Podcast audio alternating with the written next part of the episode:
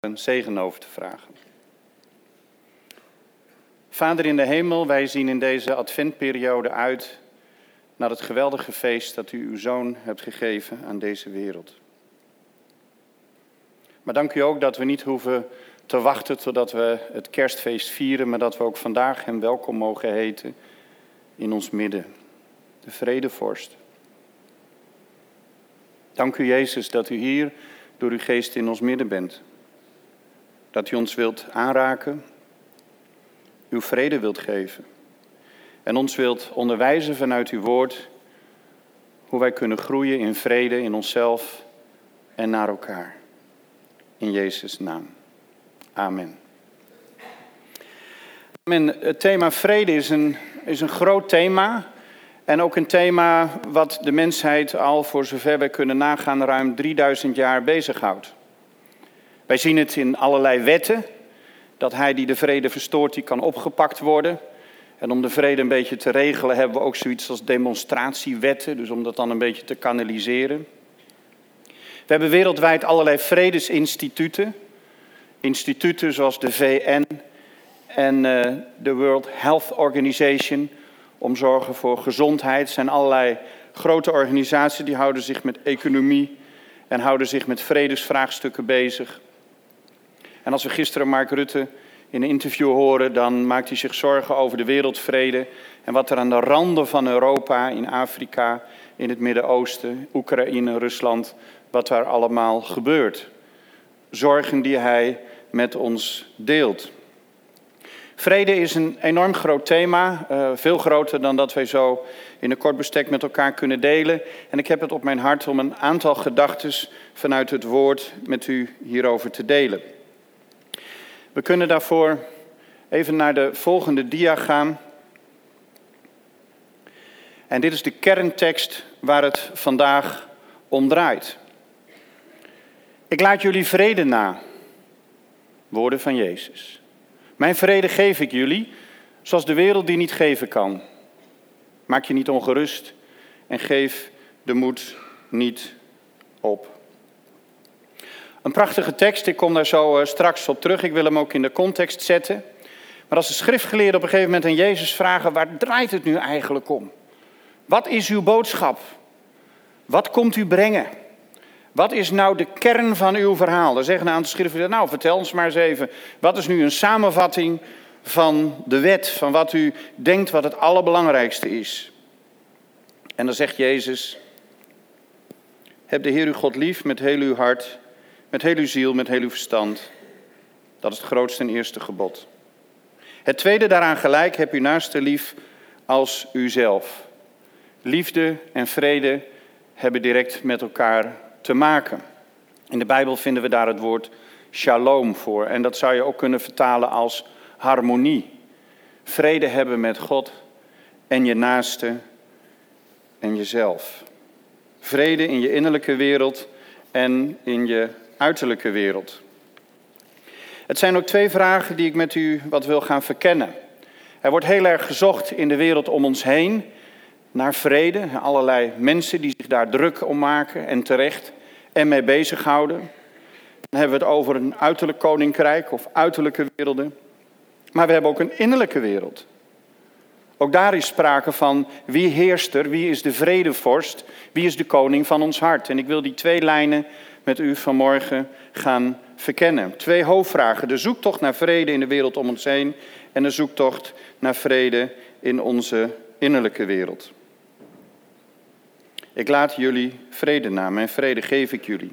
Zoals de wereld die niet geven kan, en maak je dus niet ongerust. Geef de moed niet op. Het zijn woorden van Jezus die ik graag even in een context zet. Dit gedeelte uit Johannes 4, daar gaat iets aan vooraf. Het zijn hele indringende momenten die de leerlingen met Jezus meemaken. In Johannes 13 begint het heel mooi met een maaltijd en een voetwassing. Inspirerend moment wat gaat over dienend leiderschap, slaaf en heer en hoe Jezus aan zijn discipelen voorleeft en laat zien hoe we elkaar kunnen dienen. Een prachtig mooi thema. En dan kantelt het verhaal in hoofdstuk 13 naar een heel ander thema. Er wordt ineens gesproken over verraad. En Petrus, die iets verder van Jezus afzit, die wenkt aan Johannes, die wat dichterbij zit, van vraag eens aan onze meester wie dat dan zou kunnen zijn. En dan zegt Jezus tegen Johannes, degene wie ik het broodje geef, die ik in de schotel doop, die zal mij verraden. Jezus geeft het broodje aan Judas, die ook terstond vertrekt. En dan staat er ook, een beetje sidderende tekst is dat, en het is, en het is nacht. Het is nacht als dat gebeurt. En dan vanaf vers 31 gaat dat weer verder. Jongens, ik ga jullie verlaten. Ik ga jullie verlaten. De eindstrijd wordt gestreden. De heerlijkheid zal openbaar worden. En ze, en ze begrijpen deze woorden niet goed. Dan zegt Jezus, ik ga naar de Vader. Naar de Vader. Leeft zijn vader nog? Hoe bedoelt hij? En, en waar ik heen ga, daar kunnen jullie mij niet volgen. En Petrus zegt vervolgens, ja, maar ik, ik zal echt alles doen om u te volgen. Ach, Petrus toch, jij, nog voordat de haan kraait, zul je me ook in de steek laten. Drie keer ontkennen, drie keer verlogenen. En dan rolt die discussie in hoofdstuk 14 verder, waarbij Jezus zijn vrienden, zijn leerlingen gerust probeert te stellen. Ik ben bezig om een, een huis te ontwerpen, een huis voor jullie te maken bij de Vader. Ja, jullie kunnen nog even niet mee, maar ik, ik ben bezig om die plaats te bereiden. En dan begint het geroezemoes. Dan zijn niet alleen maar Petrus en Johannes in beeld. Dan beginnen ook de andere leerlingen. Thomas, weggaan? Weggaan? We weten niet eens waar u naartoe gaat. Leg ons uit, waar gaat u naartoe? En Filippus, ja, leg ons dan tenminste uit wie uw vader is. Stel hem aan ons voor. Al die geestelijke begrippen, die vertalen ze heel praktisch. En je ziet dat de leerlingen in de war raken. Ze kunnen deze woorden, dit onderwijs, nog niet pakken. Jezus probeert ze uitleg te geven en gerust te stellen. Het huis van de Vader komt allemaal goed. Ik maak ook jullie kamers gereed. Het komt allemaal goed. En, en de Heilige Geest, de trooster, zal komen. En, en zijn jullie in de waar? Kijk naar mij. Ik ben de weg, de waarheid en het leven. De Vader, kijk naar mij. De Vader en ik zijn één. Maar ze kunnen het nog niet pakken. Misschien hebben ze wel gedacht, hoe moet dat nou als Jezus vertrekt? We zijn nog maar een klasje die zo'n drie jaar onderweg is. En kijk eens hoeveel vragen we nog hebben. Dat komt toch helemaal niet goed. En onze missie en onze droom. Een nieuw koninkrijk. Vrede in Israël. Vrede in ons hart. Wat zijn we er nog ver vandaan? Krachtige woorden van Jezus die nog niet aanslaan. De woorden van Jezus vatten ze heel, ja, heel letterlijk op. Ik moet bekennen dat de ervaring in mijn leven is dat als stress toeneemt, spanning neemt toe, vragen nemen toe in je leven, onvrede neemt toe, dat kleine dingen heel groot worden. Kent u dat? In een gezin, op uw werk, kunnen we ons enorm druk maken over kleine dingen. Ik wil een bekentenis doen. 7 december was ik 27 jaar getrouwd en onze huwelijksdag. En het lukte mij om wat eerder van mijn werk te gaan. En ik dacht, nou, ik moet mijn uh, paspoort nog even uh, wijzigen. Uh, dus dat, dat kan nog even voordat ik een mooie bos rozen haal. En nog iets, iets lekkers om mijn lieve vrouw aan te bieden. Dus ik denk, nou, ik ga nog eventjes naar het gemeentehuis in Drachten. En oh ja, even pasfoto's halen. Nou, het regende, 7 december was slecht weer. Pasfotootje maken. Ik denk, nou, ik heb alles voor elkaar. Uh, mijn, uh, mijn ID-kaart en mijn paspoort was verlopen. Dus even omruilen. Want ik ga ergens eind februari een weekje naar Suriname om de Heer te dienen. Maar ook om wat colleges te verzorgen op de universiteit al daar. Het uitwisselingsprogramma tussen de Universiteit Groningen en, en in Paramaribo. En ik sta daar helemaal blij. Ik denk, nou, helemaal voor elkaar. En ik sta daar met mijn pasfoto en dingen. En die mevrouw zegt, ja, maar die pasfoto die is toch niet helemaal goed. Dat ene oor van u, ik denk, dat ene oor van mij. Nieuw pasfoto maken. Nou, ik denk, ik heb nog even tijd. Nieuw pasfoto maken. Ik ga weer terug. Weer een nummertje trekken. Wachten door de regen. Ik sta bij het gemeentehuis. Pasfoto. naar even zoeken. Ja, dat oor van u staat nu goed.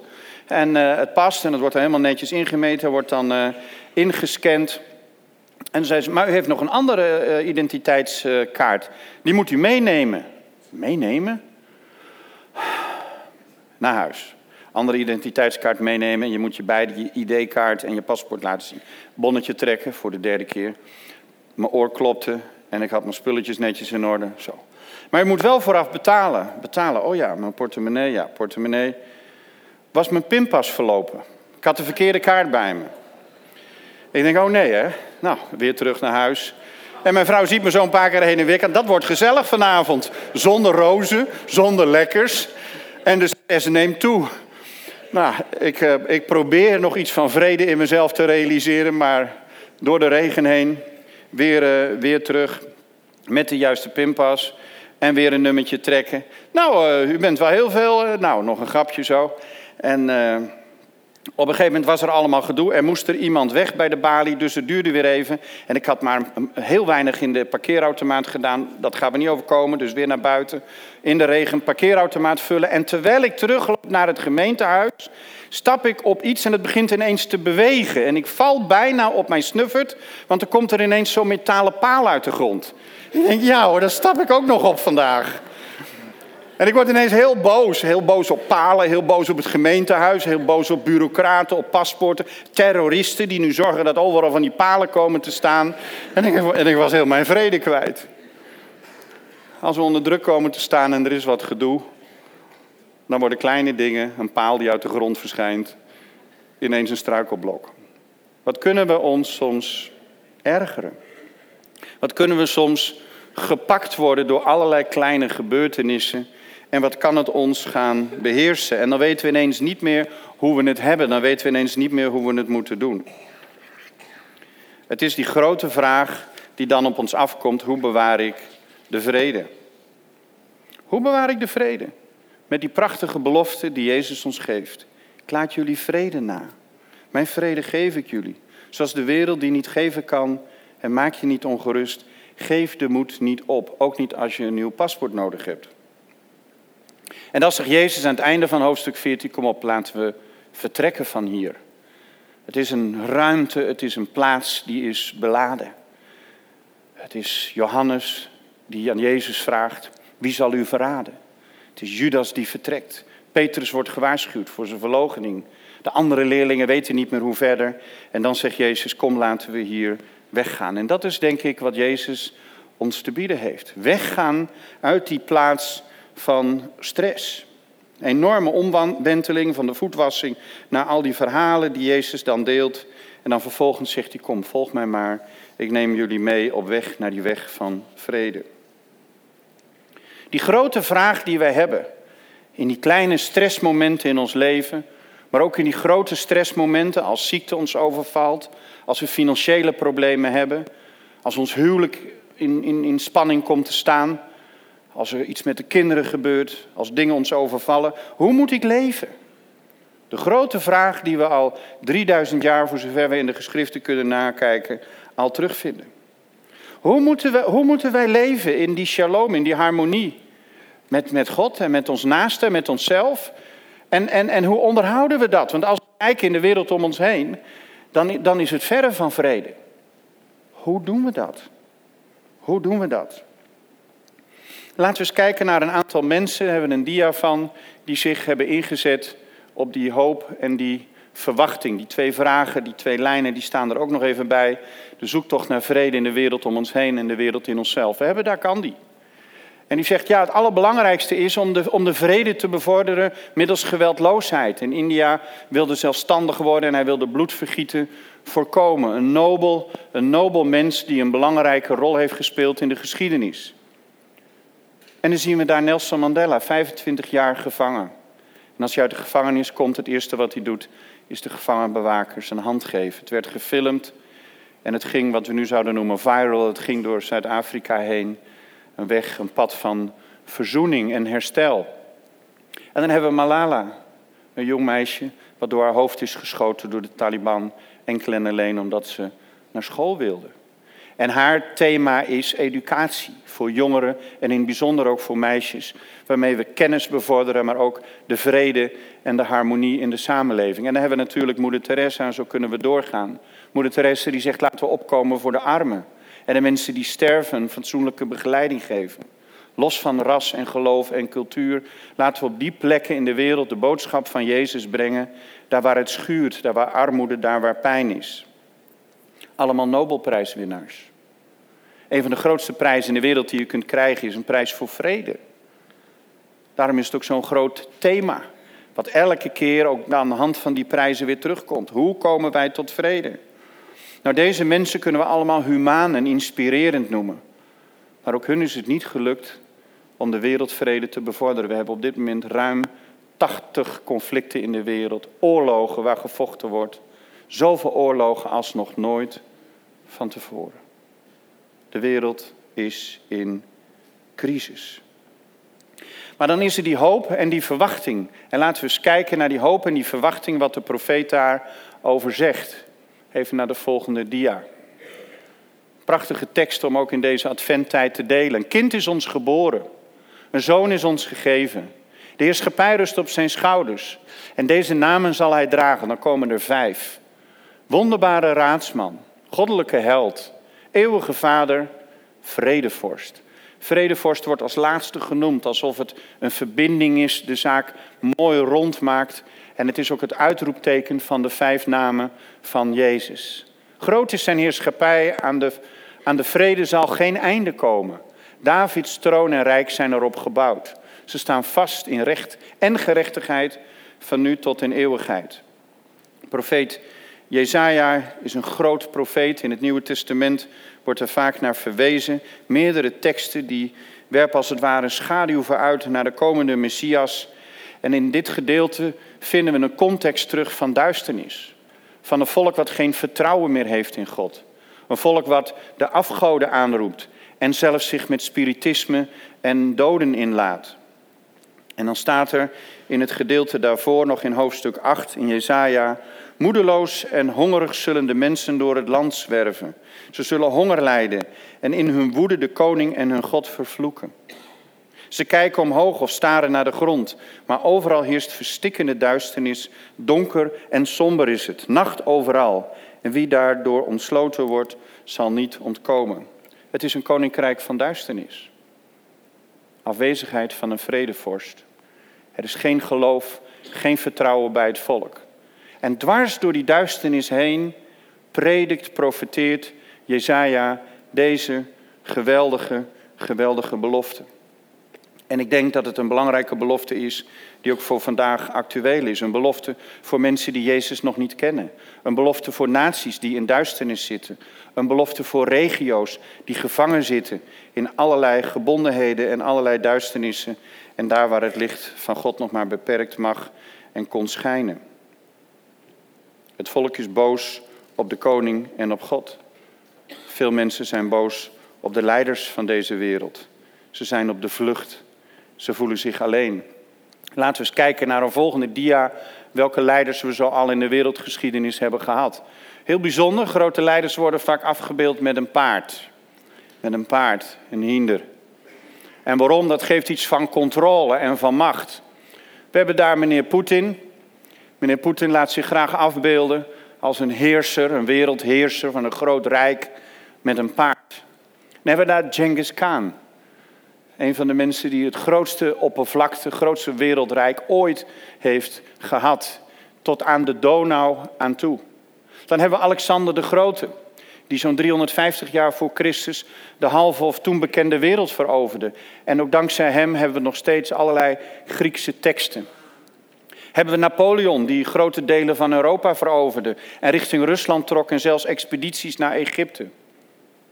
En als laatste, het staat niet helemaal in de historische volgorde, hebben we Marcus Aurelius, een van de vijf grote heersers. En wordt ook nog wel de rechtvaardige emperor, niet formeel, maar ook wel de laatste keizer van een reeks van vijf eh, genoemd.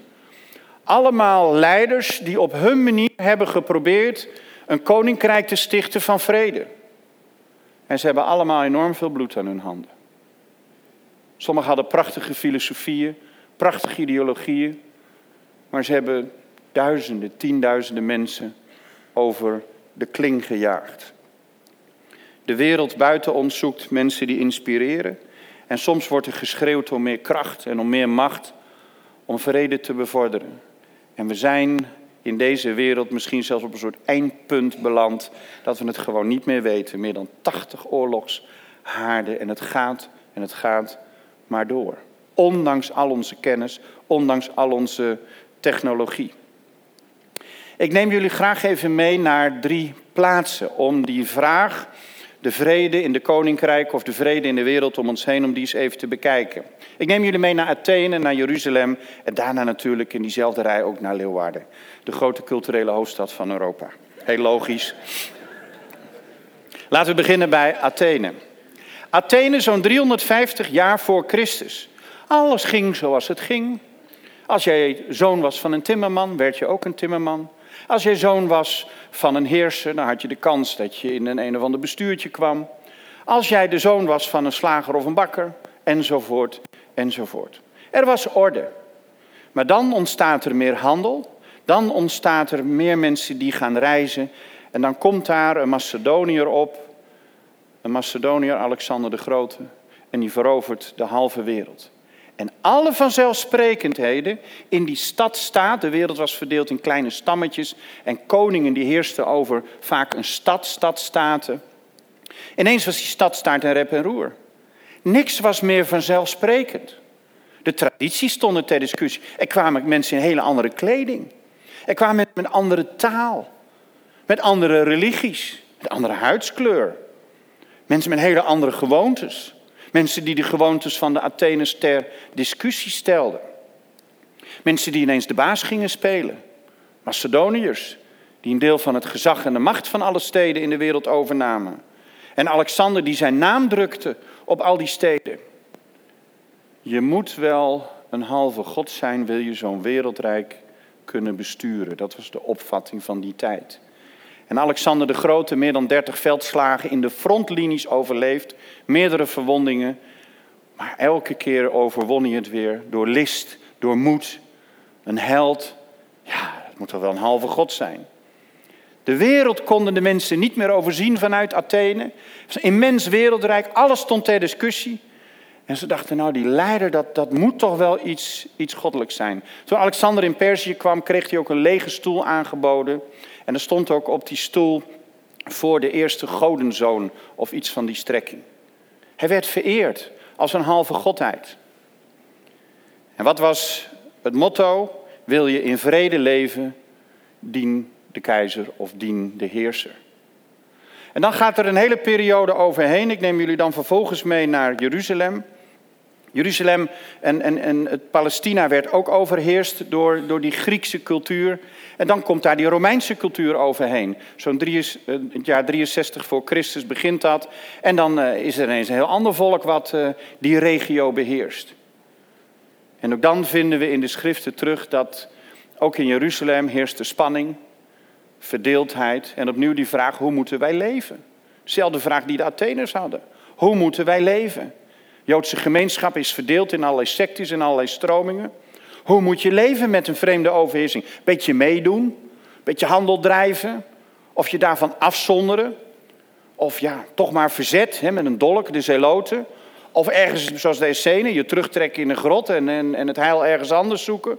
Hoe moet je leven in een tijd dat er een nieuw koninkrijk over jouw leven, over jouw regio, over jouw stad heen ligt? En ook hier, heel interessant, komen we op hetzelfde fenomeen dat de Romeinen zeggen, eer de keizer. Eer de keizer, want het zijn halve goden. En dat wringt natuurlijk bij de Joden. En dat wringt later ook bij de christenen. Die kunnen niet een andere vredevorst, een andere vorst dienen dan hun Heer, God de Vader in de hemel en Jezus. Ook daar weer die wringende vraag, hoe moet ik leven? Want er ligt een ander koninkrijk over onze wereld heen. En dan komen we bij Leeuwarden. Ja, ja. Hoe moeten we hier leven? Leeuwarden, culturele hoofdstad. Als je hier binnen rijdt, zie je allemaal vlaggen en wimpels. Straks staat Leeuwarden in het centrum van alle aandacht. Maar hoe moeten wij hier leven? Er is een nieuw koninkrijk wat zich opdringt, ook in Leeuwarden. Een koninkrijk met nieuwe halve goden.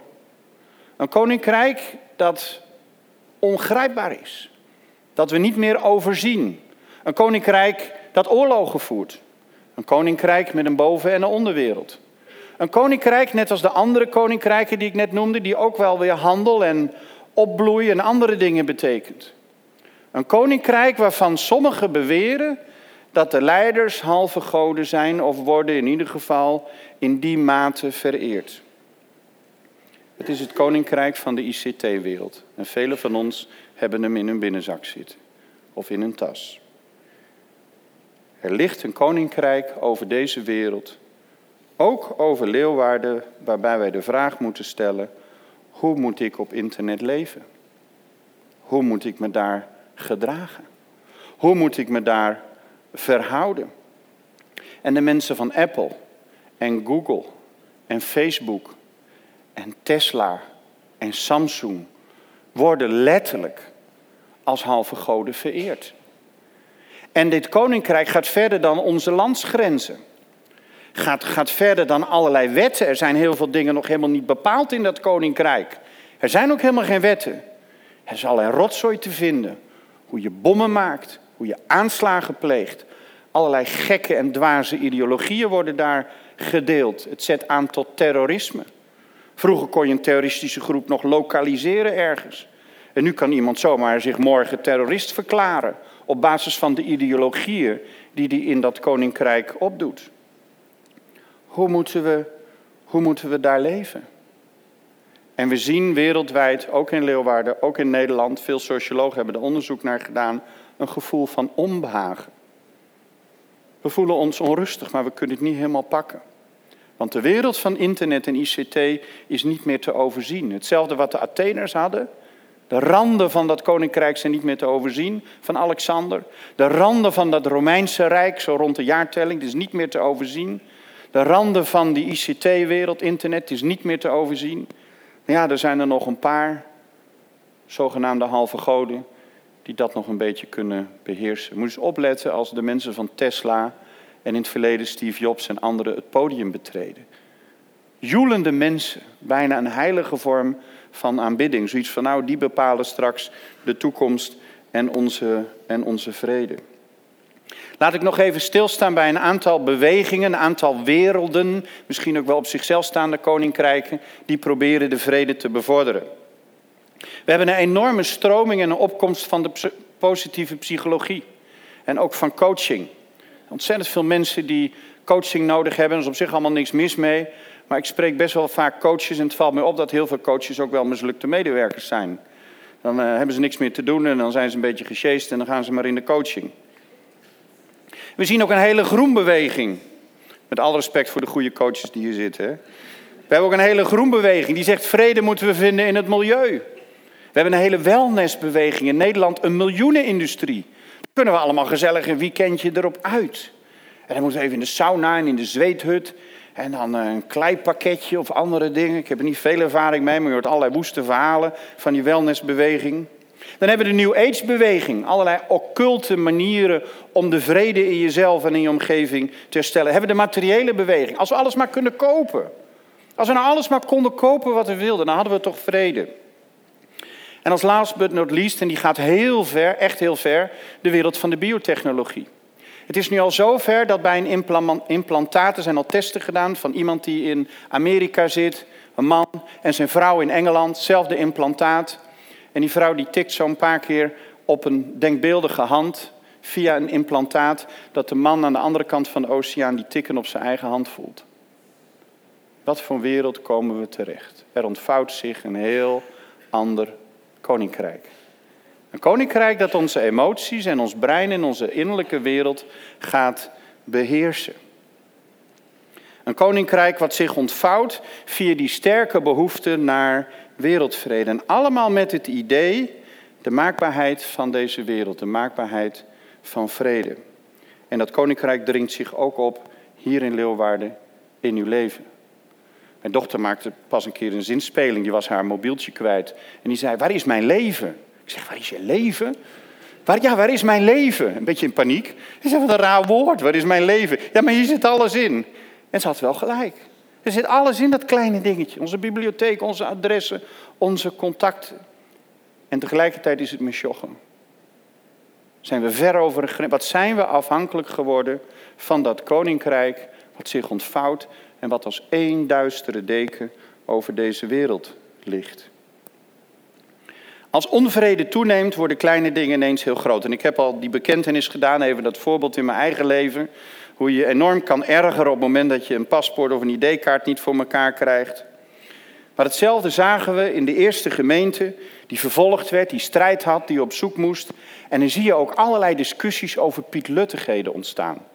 Laten we even naar de dia kijken met die tekst uit Romeinen.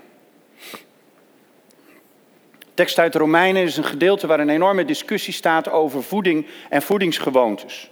Om maar eens een banaal onderwerp te noemen. Breng het goede dat God u schenkt geen schade toe. Want het koninkrijk van God is geen zaak van eten en drinken, maar van gerechtigheid. Vrede en vreugde door de Heilige Geest. Wie Christus zo dient, doet wat God wil en wordt door mensen gerespecteerd. Laten we daarom streven naar wat vrede bevordert en naar wat opbouwend is voor elkaar. Er zijn heel wat mensen die kunnen deze tekst ter harte nemen rond de organisatie van het kerstdiner. Wat kan dat soms een gedoe zijn in families? En dat hoor je ook wel eens als je bij de Albert Heijn bij de dames en heren staat of bij de papa's en de mamas die het inkopen moeten doen. Discussies bij de schappen. Wat een gedoe over details. Maar op het moment dat de stress toeneemt, ook in onze gezinnen, ook rondom een kerstdiner, hebben wij de meest banale discussies over wie de rosbief gaat aanbraden. En wat wij moeten doen met die drie vegetariërs in onze familie. En of we wel of niet de ex van de ex moeten uitnodigen. En dat is dan zo'n lastige vegetariër. Nou, als je die niet uitnodigt, heb je ook dat vegetarische probleem opgelost. En zo rommelen we maar door. En wat kunnen we ons verschrikkelijk druk maken over wie doet het voorgerecht en wie het tussengerecht en het hoofdgerecht. Oh ja, er is nog iemand diabetisch en houden we daar dan wel rekening mee? En moeten er nog cadeautjes bij, allerlei gevoeligheden. En we maken ons allemaal druk om. En wat zegt Paulus hier tegen de gemeente? Breng nu het goede dat God u schenkt. Het goede is Jezus. Breng het goede dat God u schenkt geen schade toe. Hij heeft zijn zoon in die geweldige belofte in Jezaja aan deze wereld geschonken. En die leeft in ons. En we mogen met hem leven. En geef hem zijn geest dan ook de ruimte. Want het koninkrijk van God is geen zaak van eten en drinken. Dat kunnen we ons ook in onze huwelijken, in onze gezinnen, maar ook in de gemeente druk maken over allerlei futiliteiten ruzies krijgen over kleine onderdelen.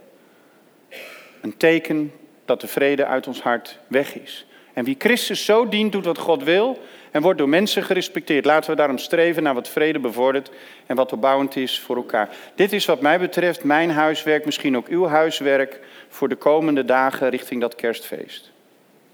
Zou u eens willen nagaan waar u kunt bijdragen aan de vrede in uw relatie? In uw gezin, in de buurt en in de gemeente. Het is een werkwoord.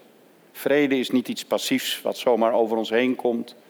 Vrede is iets waar we aan moeten werken en in mogen groeien. En die dingen doen die opbouwend zijn voor elkaar. Ik ga graag met u door en ik kom ook graag bij die andere vraag uit. Hoe zit dat nou met onze innerlijke wereld? Geweldig groot thema. Ook een mooi thema waar ik me ook jarenlang ook in het pastoraat op heb verdiept.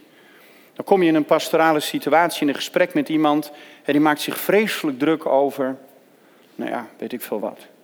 Maar als je dan wat dieper doorvraagt, dan zie je dat mensen onvrede hebben, spanning in hun leven, ongeloof, wantrouwen.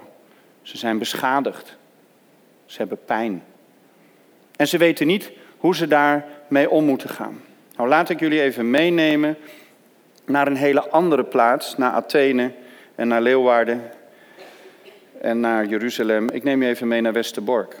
En ik neem u mee met een tekst uit het boek Het Verstoorde Leven, dagboek van Etty Hillesum. Een laat vertaald boek, prachtig qua tekst en qua inhoud, waarin een jonge Joodse vrouw die een Bijbel heeft en ook wat theologische geschriften, onder andere van Augustinus, een diepe geloofsworsteling meemaakt. En zij schrijft dit in haar dagboeken om ervan te leren. Het is een soort werkstuk waar zij aan werkt. Ze is lid van de Joodse Raad, heeft nog een tijd een reisbevoegdheid, maar wordt via Westerbork uiteindelijk afgevoerd naar Auschwitz.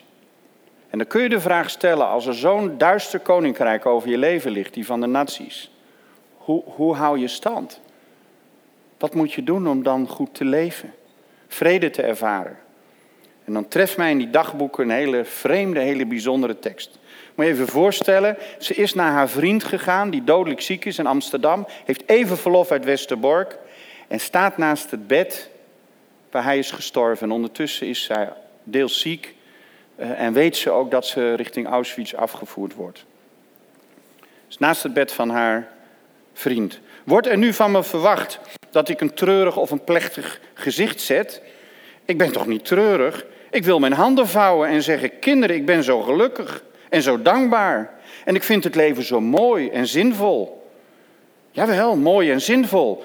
Terwijl ik hier sta aan het bed van mijn dode vriend, die veel te jong gestorven is. En terwijl ik ieder ogenblik gedeporteerd kan worden naar een onbekend gebied. Mijn God, ik ben zo dankbaar voor alles. Mijn God, ik ben zo dankbaar voor alles. Dan zou je denken, je, je, je bent helemaal van het padje af.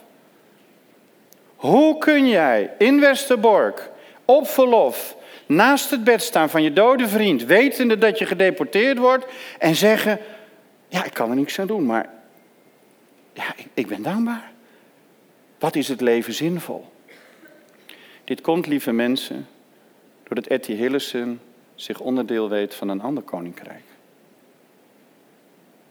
Zij staat boven de situatie. Zij maakt zich niet zo druk over het koninkrijk om haar heen, waar wij ons druk kunnen maken met inspirerende leiders en mensen die op een paard ronddraven. Zij maakt zich zelfs niet druk over die innerlijke wereld en die pijn en die ziekte en alles wat zich ontvouwt. Zij zegt zelfs in haar dagboek: Ik ga niet bidden om genezing of herstel. Ik heb Gods niets te vragen. En terwijl ze dat bidt, gaan haar maagklachten overigens voorbij. Vaart ze ook een klein wonder in Westerbork. Nee, zegt Etty Hillesum, mijn opgave is niet om de wereld te veranderen, in opstand te komen tegen dat duistere koninkrijk van die fascisten en die nazi's. Niet in opstand te komen tegen wat dan ook. En zelfs niet in opstand te komen tegen die innerlijke wereld waarin ik allerlei worstelingen heb. Nee, mijn opgave is vanuit een ander perspectief naar deze diepe ellendige situatie kijken. een hele worsteling, prachtig dagboek met ups en downs. Allerlei menselijkheden staan er ook in. Waarin het haar lukt om deel te blijven en te groeien in een ander koninkrijk. Zij citeert zowel uit het Oude, uit het Nieuwe Testament. Wij weten niet of ze een bekeringsmoment of wat dan ook heeft gehad. Dat is misschien ook helemaal niet zo interessant. Maar wat wij zien en wat wij lezen is dat zij de weg met God de Vader gaat. Vanuit haar Joodse traditie, aangevuld met keuzes die zij maakt en bijbelgedeeltes uit het Nieuwe Testament. Etty Hillesum, waar maken we ons druk om en hoe snel wordt de vrede van ons weggehaald? De les van Etty Hillesum, het gaat er niet om wat er buiten mij gebeurt, zelfs niet wat ik allemaal voel of denk in mijn emotieleven, maar het gaat om mijn houding. Tot welk koninkrijk reken jij jezelf? Wie is jouw vredevorst? Wat staat er bij jou op jouw kompas? Ook jij bent, net als ik en wij allemaal, op zoek naar vrede. Een primaire levensbehoefte. Misschien heb je heel veel in de wereld om je heen gezocht. Misschien nog steeds. Misschien zoek je ook wel vrede in een innerlijke wereld. Heb je therapie, heb je begeleiding, heb je coaching, op zich allemaal niks mis mee. Maar het zal niet de eindoplossing zijn voor een duurzame vrede in je leven. Er is maar één vredevorst die alle anderen overstijgt. Ik ga richting een afronding, maar ik wil nog kort een anekdote noemen. Ik was vers van de straat en een meisje in een discotheek zei tegen mij: ah, Ik moet niet te laat maken, ik moet uh, morgen uh, naar de kerk. En ik was rond de 18 jaar, dus zo'n 35 jaar geleden. Naar de kerk, zei ik tegen haar. Ga jij naar de kerk? Ja, zei ik, ga naar de kerk. Zei, ik zei, daar wil ik ook wel heen morgen. Ze zei, doe dat maar niet, het is een beetje een aparte kerk, daar steken ze de handen op. Ik zei, nou, ik wil ook wel mijn hand opsteken, want ik heb heel veel vragen. Ik dacht, dat is een vraagkerk, mag je je hand opsteken zoals op school. Nee, het is een beetje een andere kerk. En ik ging mee, het was de Pinkstergemeente in de Boteringenstraat in Groningen. En broeder Graaf had een eenvoudige boodschap. Een eenvoudige boodschap recht uit het hart. Wil jij de vrede herstellen tussen jou en God, tussen jou en de mensen om je heen en in jezelf, dan heb je de vredevorst Jezus nodig. Ik begreep die woorden niet allemaal, wil ik eerlijk bekennen. Ik kwam vers van de straat, ik zat in de bureausport. Ik had een reeks aan internaat, een jeugdgevangenis, van alles achter de rug. Ik moest nog nadenken of ik MAVO wel of niet zou afmaken. Ik leefde in een heel ander koninkrijk. Maar ik ervaarde en ik proefde daar iets van de vredevorst. Iets wat ik niet helemaal kon begrijpen. Een koninkrijk wat ik om me heen zag ontvouwen en wat ik ook in mezelf voelde. Het koninkrijk waar Gods geest heerst. En toen broeder Graaf een oproep deed om naar voren te komen, liep ik op mijn puntlaarzen en met mijn lange haren naar voren. En ik dacht, ik blijf heel stoer en strak, want dat ben ik toch. Ik was het mannetje. En toen kwam een van de oudsten naar mij toe en die legde mij de hand op en die zei, broeder, welkom thuis. Welkom thuis. En ik huilde. Ik brak tranen van troost en bevrijding stroomden uit mijn ogen. En ik ervaarde een vrede die ik nog nooit eerder had ervaren. En ik voelde mij aangesloten bij een wereld en een koninkrijk van vrede. Ik had daarna nog een lange weg te gaan. Ik moest allerlei dingen herstellen. Ik was een beschadigd kind. Was boos en ik had me opgeblazen via de budosport en het geweld op straat. Maar ik ervaarde daar bij die prachtige woorden: welkom thuis. Het koninkrijk van God en de vrede. Lieve mensen, in hoofdstuk 13 en 14 bij Johannes is het onrustig. En misschien is het in uw leven onrustig. Zoekt u vrede. Ik ben nu heel druk met de feestdagen en met van alles wat moet gebeuren. Maar ik wil u naar al die vier andere plaatsen meenemen naar een andere plaats. De plaats waar we vanuit Advent naar mogen kijken, maar die ook vandaag hier is. De plaats van de vredevorst, de troon van Jezus. Waar we naartoe mogen en nadat we muziek hebben gemaakt en woorden hebben gedeeld, stil mogen worden. Want vrede is ook rust, is ook stilte. Zodat wij samen met Etty Hillesum kunnen zeggen, het gaat niet om allerlei dingen buiten mij en zelfs niet om, om mij uh, en wat in mij gebeurt. Maar het gaat uiteindelijk om een ander koninkrijk. Een koninkrijk dat mij vrede kan geven, die alle verstand te boven gaat. Ik laat jullie vrede na. Mijn vrede geef ik jullie, zoals de wereld die niet geven kan. Maak je niet ongerust en geef de moed niet op. Amen. Een moment stil zijn?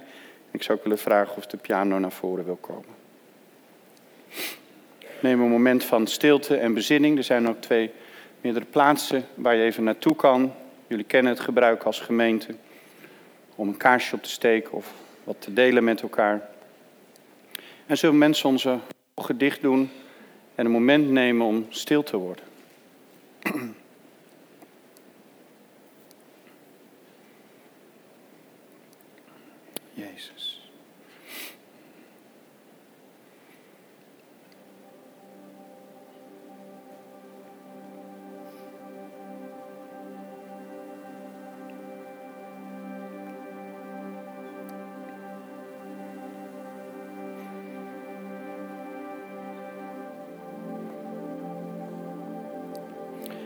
Jezus, ik wil u allereerst nogmaals danken dat u hier bent. En dat u hier niet bent om te oordelen. Maar dat u hier bent om ons uit te nodigen. En van die duistere plaats weg te trekken. Om op te staan. Als er onvrede is in ons leven. Om daar niet in te blijven hangen. U nodigt ons ook uit om vrede te bevorderen. In onze relaties, in onze gezinnen, in de gemeente. Ja, Heer, we hebben huiswerk te doen. Maar bovenal nodigt u ons uit om stil te zijn. Stil te worden bij de vredevorst, Jezus stil te worden bij degene die eeuwig vrede brengen zal.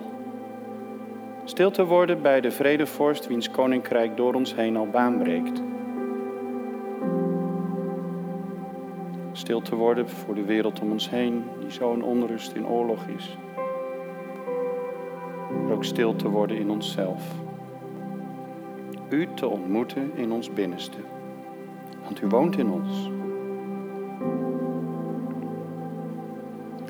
En Jezus, daarin willen we ook beleiden. Dat we vaak zoveel tijd geven aan dat nieuwe koninkrijk wat aan het opkomen is. Internet, allerlei informatie, allerlei berichten. Koninkrijk dat we niet overzien, waar veel duisternis is. Vergeef ons, Heer, dat we vaak te weinig tijd nemen voor uw koninkrijk.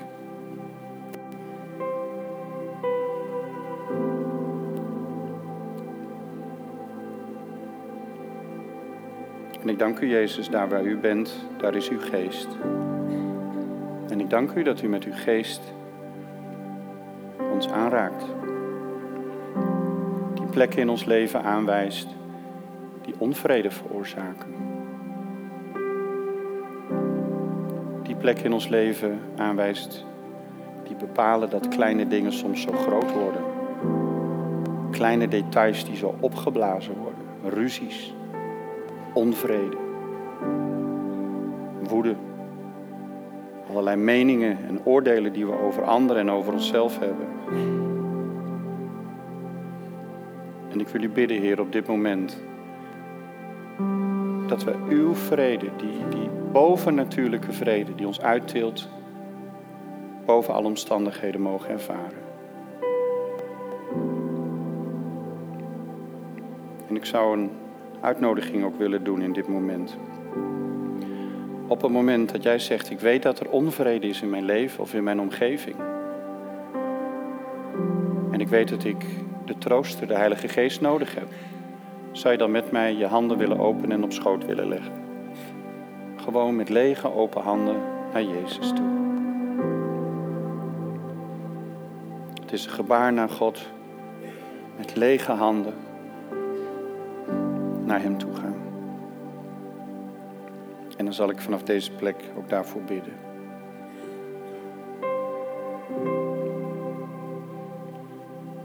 Jezus, ik open samen met vele broeders en zusters mijn handen en ik kom bij uw troon, de troon van de vredevorst.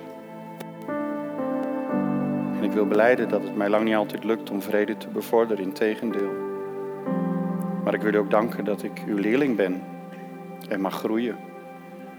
Mag groeien in vrede, in shalom. En ik wil u danken. Allereerst dat u de weg naar de Vader hebt geopend. En dat er verzoening is in het bloed. In wat u hebt volbracht op Golgotha. En ik wil u ook bidden, Heer, wilt u ook mij helpen om anders naar mensen om me heen te kijken. Als ik mijzelf verzoend weet, wil ik ook bidden voor de verzoening naar anderen. In mijn gezin, in mijn huwelijk, op mijn werk. Opdat mensen zullen zien dat ik een dienaar ben van de vredevorst.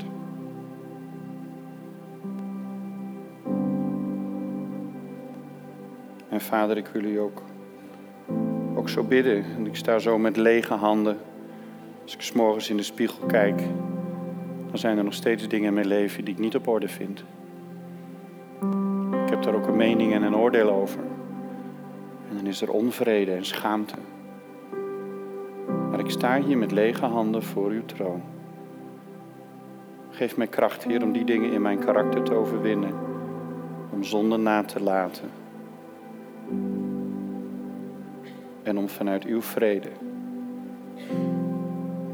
te gaan leven in het koninkrijk van licht.